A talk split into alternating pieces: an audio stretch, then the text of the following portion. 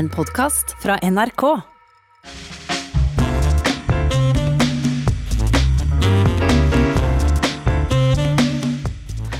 De neste minuttene skal vi snakke om et av de største og viktigste landene i Afrika. Et land med ei eldgammel historie og moderne konflikter. Det eneste landet på dette store kontinentet som aldri har vært koloni. Mange av oss husker ennå eventyrskikkelsen keiser Haile Selasse, og så sent som i fjor fikk landets statsminister Abiy Ahmed Nobels fredspris. Det verker lenger siden enn det egentlig er. Så velkommen i Studio 62, Tom Christiansen. Takk, takk. Du er den store Afrikakjenneren blant norske journalister, og vi skal selvsagt innom den konflikten som nå herjer Etiopia, men la oss begynne lenger bak i tid. For vi snakker jo tross alt om et land med lange styringstradisjoner og et sjølbevisst folk. Ja, fordi eh, de regner jo sin historie 3000 år tilbake og mer enn det, i en blanding av fakta, fantasi, myter og andre ting. Altså, det begynner med eh, dronningen av Saba som jo holdt til i det som i dag heter Jemen, hvor hun eh, utvinnet røkelse og myra, solgte videre til de hellige steder, som eksempel Jerusalem. Og hun dro til Jerusalem for å treffe Salomo, kong Salomo den vise, for å teste hans visdom. Hun testet hans visdom, hun kom dit med et følge med 800 mann, med store, rike gaver, og hun ble fascinert av mannen, og han klarte også å gjøre henne gravid. Og dette barnet som de fikk sammen, Menelik, var da den som ble sendt over Rødehavet til Abyssinia, som Etiopia den gang het, og som ble den første keiser. Og så har disse keiserne gått slag i slag, fra kong Salomo og dronningen av Saba til Haile Selassie i én rekkefølge, tror det den som vil, men altså mytene er der. Og det har skapt en slags sånn forståelse av at de er noe helt spesielt. Ikke si til en etioper at han er afrikaner. Det er han aldeles ikke. Han er bare etioper. Så du begynte med den mest pikante historien i afrikansk eh, historie? Ja, og jeg har jo nevnt dette for historikere som bare trekker på skuldrene og sier ja, men vi vet jo ikke alt dette. Nei, vi vet ikke det. Men det som er poenget med den historien, det er at den har gitt etiopierne en slags følelse av å være blant de utvalgte her i, i, på kontinentet som har noe som andre ikke har, og som gjør at de kan virke veldig arrogante. Eh, men de får jo til ganske mange ting, da, selv om vi ofte har bare hørt om nøden. Sånn at det gamle etiopiske konge- eller keiserriket det ble faktisk da etablert av eh, semittiske folkegrupper som reiste over Rødehavet fra den arabiske halvøya og til det som nå er Etiopia. Ja, og så er jo Etiopia blitt selvstendig. Det har jo ikke Eh, vært en slags forlengelse av eh, kongen og dronninga fra, fra, fra den gang. Det er, de er blitt Menelik, er et keisernavn i Etiopia, som det er flere av. Og så har det de gått etter hverandre, og så har man altså et et land med en, lang muntlig tradisjon hvor alle disse historiene er fortalt etter hverandre. Men det er jo også sånn at det er jo ikke Etiopia som et rike man har fortalt historier om. Fordi at i dette riket finnes det ulike stammer, og de stammene de har like stor selvbevissthet. For en som kommer fra Tigray, er det viktigere å komme derfra enn å være en del av Etiopia. Eh, mange av oss som jeg nevnte, husker jo ennå keiser Helle Selasse. Eh, han var keiser, har jeg nå lest meg til, i 44 år, fra 1930 til 1974. Han ble vel selve symbolet i det førre århundret på Etiopia? Å ja. Han, han, var jo en som på en måte samla riket. Men samtidig så er jo dette eh, et rike som har vært føydalt, og som ikke har vært samla eh, og bevega seg i retning av demokrati før langt etter at hans tid. Han var keiseren. Han hadde løver i sitt eh, hoff som ble matet på svære gullfat. Han levde overdådig selv om han var tynn og slinten og sjuk. Han eh, hadde en slags forståelse av og glede av å bli tilbedt, og ble det, av eh, folk. Selv de som var undertrykt og ikke fikk den maten de skulle, eller de jobbene de skulle. Han var på en måte en halvgud. Ja, det var den føydale og den halvgudelige sida. Og samtidig så ble han på underlig vis en av oss fordi Etiopia ble eh, angrepet i 1935 av Mussolinis eh, fascistiske Italia. Og dermed så kom han på en måte på vår side i det store, store oppgjøret i annen verdenskrig. Ja, han uh, måtte jo på et tidspunkt uh, uh, rømme landet og havna i London, i eksil.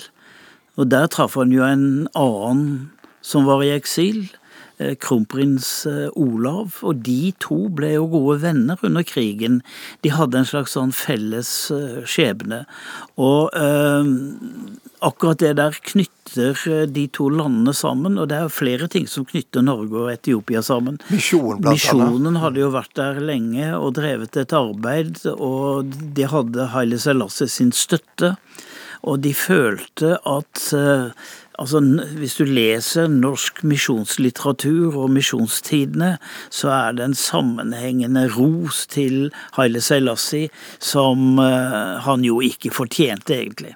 Han var i Norge i 1954, og kong Harald har jo fortalt at den norske kongefamilien fikk eh, kultursjokk da keiseren ankom eh, og kasta gullmynter til folk langs ruta da han kjørte opp en bil gjennom Oslo. Ja, og eh, det skapte jo stor forbauselse. Og Utenriksdepartementet hadde jo framkalt noen unger som skulle stå langs eh, ruta og de skulle rope 'lamperør' for at det skulle hø høres ut som, som liksom uh, fransk uttale, eller lokal uttale av keiser. Og det gjorde de, og han ble feira. Og det, det, det, hele greia endte med at det som i dag er Twist-posen, ble oppfunnet der og da som en slags forsyning til Ethiopian Airways, som trengte noe godt å ha til kaffen. Du vet, Hvis vi fortsetter med dette, Tom Kristiansen, så blir vi sittende her hele, hele helga. Men, men, vi må tilbake til nåtida, fordi at eh, eh keiseren ble jo styrta av et kupp midt på 70-tallet. Eh, det kom et marxistisk styre. De var nær alliert med, med, eh, med Sovjetunionen. Det var krig eh, med utbryterstaten Eritrea, men så kom eh, Abiy Ahmed eh, til makta og fikk fjorårets fredspris for å slutte fred med Eritrea, og da er vi oppe i dagens situasjon. Ja, og um, det som da skjedde var at i denne perioden så var det jo tigraiene oppe i nord det er en liten stamme. De hadde jo nesten all makt i Etiopia. Under det marxistiske styret? Under det marxistiske etter det marxistiske styret, hvor de på en måte tok makten og styrte under Mele Senavi, som var en, en, stor, stor statsminister. Den lille stammen hadde veldig mye makt. Og så kommer altså den nye statsministeren som får Nobels fredspris, og han sier her skal alle være like, vi skal ha det samme betydning alle sammen. Hvilket betyr at tigraiene mister makta, og så truer de med å ryke ut, og dermed så står du midt oppi en borgerkrig som nå er i gang. Og altfor forenkla sagt, så det er det som er bakgrunnen for at fjorårets fredsprisvinner nå er en krigsstatsminister. Eh, fredsprisen er en skandale, blir det hevda. Er du enig i det? Nei, ikke uten videre. Vi må vente og se hvordan dette utvikler seg. Men det han gjorde, var å si at alle stammer skulle få den samme rett, altså at tigraiene skulle få mindre å bety. Og de ønsker å, å beholde sin maktposisjon.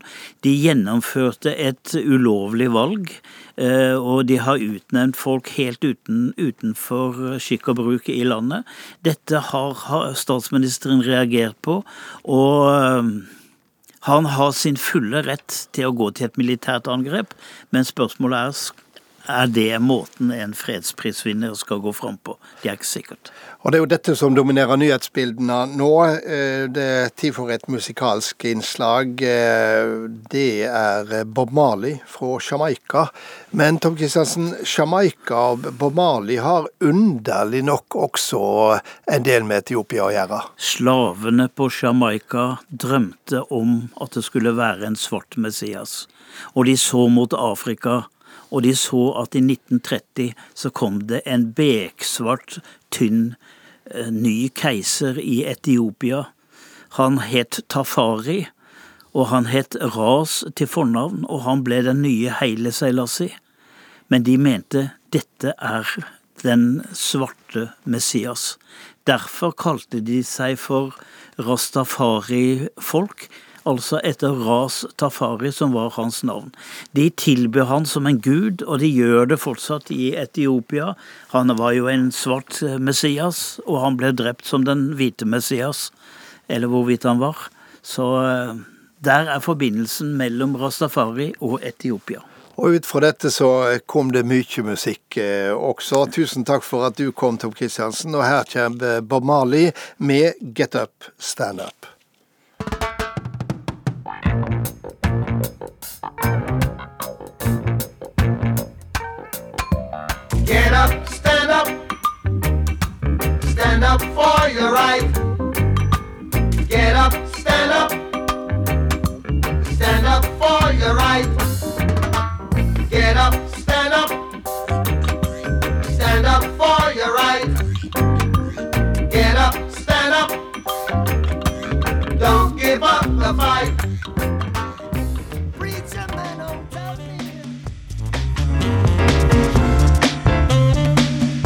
Og så runder jeg av med min faste kommentar. Her er denne vekas Stang inn, stang ut.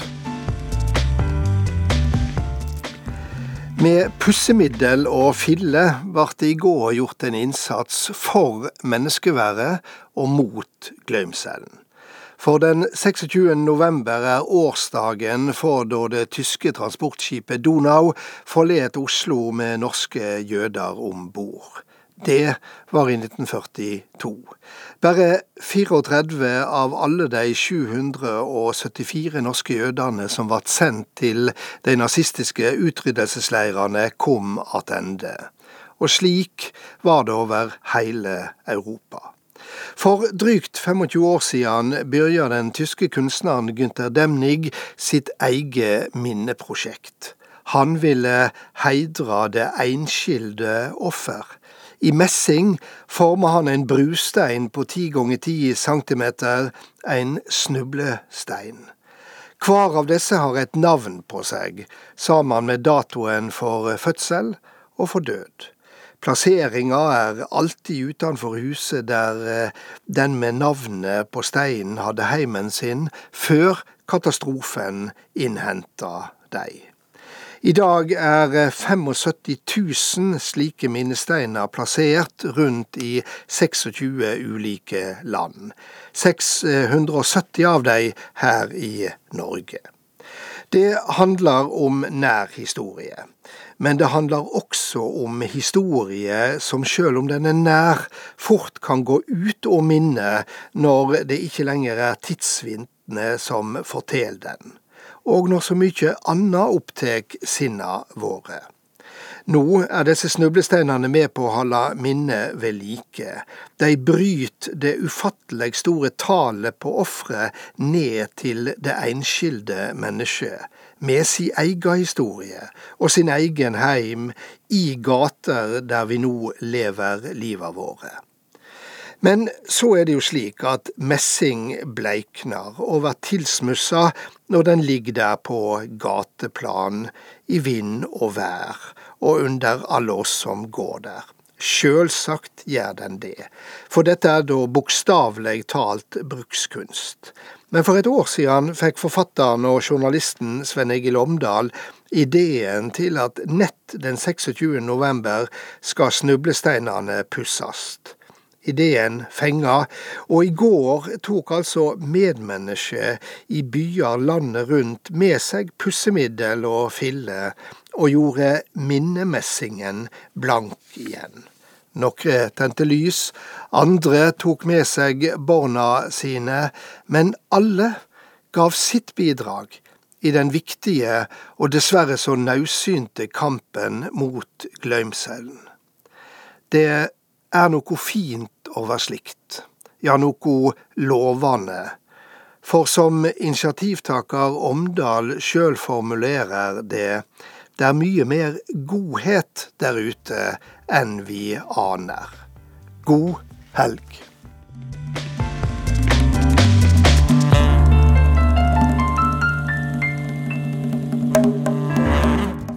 Du har hørt en podkast fra NRK. Hør flere podkaster og din NRK-kanal i appen NRK Radio.